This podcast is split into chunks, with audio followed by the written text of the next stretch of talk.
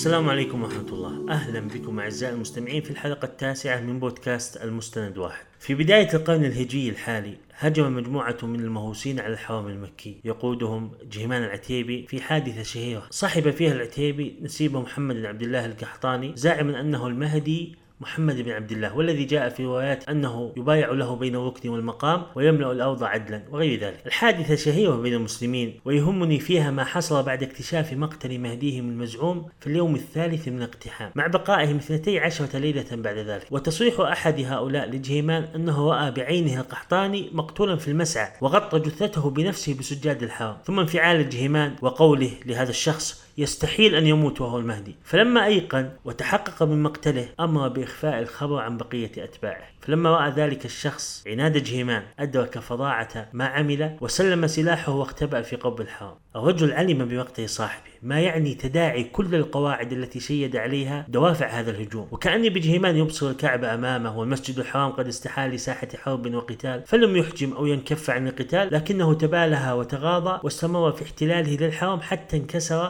فغلب وانهزم. ولا أعني بالقواعد في الفقر الماضي الحديث الواردة في المهدي وظهوره في آخر الزمان وبيعته بين الركن والمقام والخسف بالجيش الذي يقصد مكة لقتله إلى غير ذلك. فهذه لا تتهاوى معاذ الله تعالى وإنما أقصد الإسقاط الخاطئ لكل هذه النصوص على الزمان والمكان والأشخاص وتنزيلها ببلاهة على الواقع. ثم خابوا في النهاية فلا الزمان زمان المهدي ولا القحطاني هو المهدي ولا خسف في القوات الخاصة السعودية بل كان الخسف بتلك القواعد التي ابتنوا عليها مشروع الهوس الذي انتهى إلى هذه الجناية العظيمة في تاريخ المسجد الحرام. فتأملوا أعزائي المستمعين مغبة الأمن وسوء العاقبة. شباب يعني ظنوا في أنفسهم أنهم صفوة الله من خلقه وخيرته من عباده. فتأهبوا ليكونوا أنصار المهدي وأعوان المسيح بعد عودته. ولكم أن تتصوروا خيالاتهم وأمانيهم وأحلامهم. وبعد ثلاث ليال بدأوا يتساءلون عن اختفاء المهدي وعن الخسف. القوات السعودية تحيط المسجد الحرام لتتجلى الحقيقة أمامهم ويجدون أنفسهم وقد صاروا ضحية من ضحايا فساد العقول وعصابة من عصابات الأرض التي تسطو وتخل بالأمن وتفجع الناس في راحتهم وفي دورهم. غير أن طبيعة المكان والزمان حكم على هؤلاء بالخزي والعار إلى يوم الدين. الإسقاط الخاطئ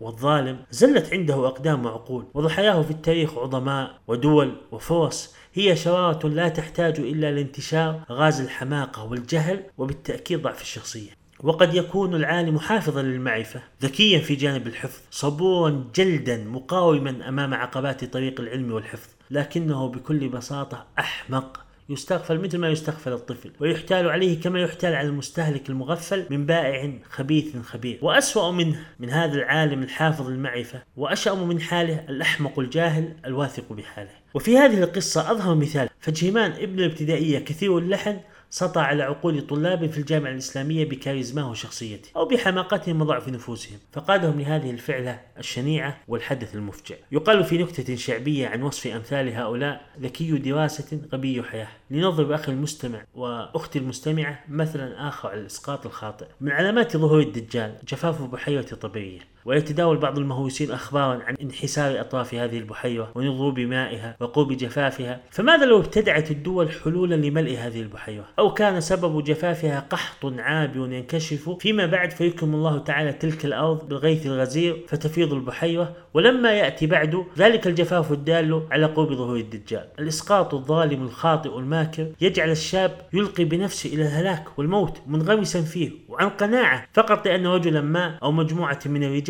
فريق عمل قال له بشكل غير مباشر انظر يا فتى هذا علم أسود كتبنا عليه شهادة لا إله إلا الله وأن محمد رسول الله باللون الأبيض وتعال لتتابع اصداراتنا ها نحن نقتل رجلا نطلق عليه مرتدا بالسيف ما رأيك؟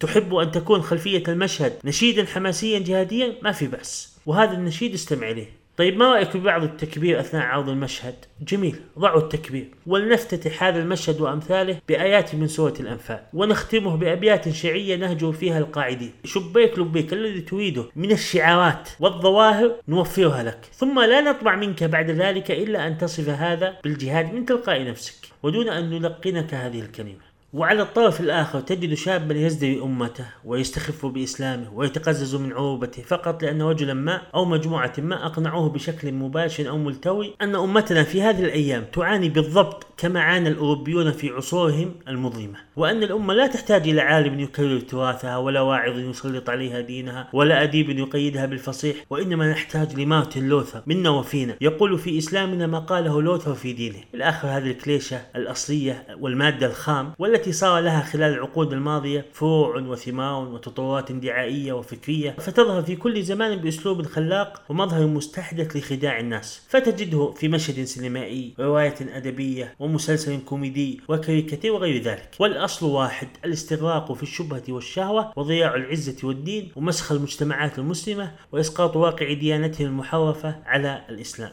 أخي الشاب وأختي الشابة الهدف المخلص والدافع الشريف لا يزكي إسقاط الفكرة على الواقع. فآيات الجهاد وأحكام المرتد صحيحة ووحي لكنها لا تعطي لمن يسقطها على الواقع وينزلها على الزمان والمكان عصمة وتزكية وصواب. فقد يكون أحمقا أو عميلا خبيثا أو فاضلا مخطئا أشد الخطأ. فعلى أي ركن متين سلمت عقلك لهذا الشخص؟ هل هو أخبر منك بواقعك؟ هل واقع الناس وحقيقة أحوالهم يدرس في متن فقهي في الكتب؟ فحفظه هذا الشخص ولم تحفظه أنت هل واقعك؟ عكف عليه هذا الشخص يذاكره وأهملته؟ عثمان بن عفان رضي الله عنه خير البشر في وقته. قتل بحجج وشعارات. لو كانت في زماننا هذا لاعتبر الحمقى الخروج عليه ربيعا عربيا. وهي لو تمعن اللبيب بها لعرف أنها شعارات وتنظير جميل لكن إسقاطها خاطئ وظالم ومقصود. ولو اطلع الشاب أو الشابة على أحكام وقواعد تنزيل الأحكام التي فصلها العلماء منذ عهد الصحابة وحتى يومنا هذا ايا كانت هذه الأحكام شرعية فكرية اجتماعية سياسية وغيرها. أقول لو اطلعوا عليها لدارت بهم الدنيا من عمق التخصص فيها والحزم الواضح في بيان ضوابطها وأحكامها وأدلتها والأهم من ذلك مساحة جهلهم بها. ثم يأتيك الأخ ذكي دراسه غبي حياة أو الأسوأ من غبي دراسه غبي حياة فيقبل أن يقدم روحه أو دينه هدية لشخص ما فقط لأنه ضعف أمام إسقاطه الخاطئ كما يضعف الطفل أمام الحلوى. فهي حسرة على هذه العقول المعطلة. لما أخبر النبي صلى الله عليه وسلم أنه يأتي زمان يقتل فيه الرجل جارة وابن عمه وعمه قال عن السبب ينزع عقول أهل ذاكم الزمان حتى يحسب أحدكم أنه على شيء وليس على شيء. كحال أصحاب جهمان دخلوا الحرم وفي بالهم أنهم أعوان المهدي وسيرون عيسى عليه السلام ثم خرجوا منها والعار والفضيحة تثقل رقابهم وتحرج عوائلهم وقبائلهم. تقبلوا تحياتي أخوكم أبو الهيثم والسلام عليكم ورحمة الله.